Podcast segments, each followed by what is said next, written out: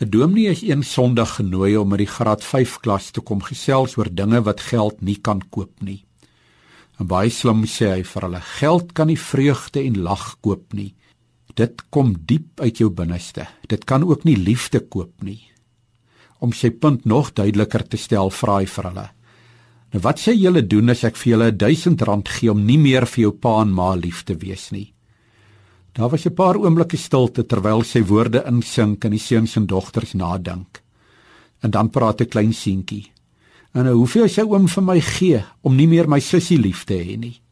Partykeer is dit maklik om mense lief te hê. En ander kere is dit nie so maklik nie, veral as jy afgeknou is of verneder word of geïgnoreer word. Dan moet jy jouself beskerm. En partykeer mag dit selfs nodig wees om jou van so 'n persoon te onttrek. Wanneer Paulus egter oor God se liefde vir ons praat, lees ons in Romeine 8 vanaf vers 35 in die boodskap vertaling. Wat kan ons nog skei van die Christus se liefde vir ons? Swaar kry, probleme, hongerpyne, tekort aan klere, gevaar, dalk geweld? Nie een van hierdie dinge nie nie eers die grootste probleme waarvan daar in die Bybel gepraat word, kan ons ooit van Christus skei nie. Al gebeur hierdie verskriklike dinge met ons, is ons nogtans oorwinnaars. Ons deel in Christus se reuse oorwinning omdat hy ons baie liefhet.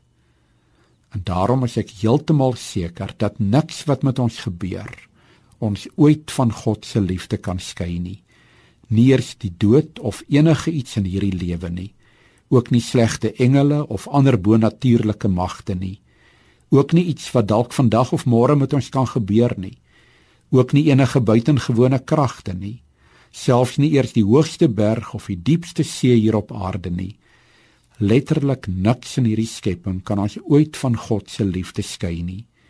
Hy het vir ons kom wys hoe lief hy vir ons het toe ons Here Jesus Christus in ons plek dood gegaan het.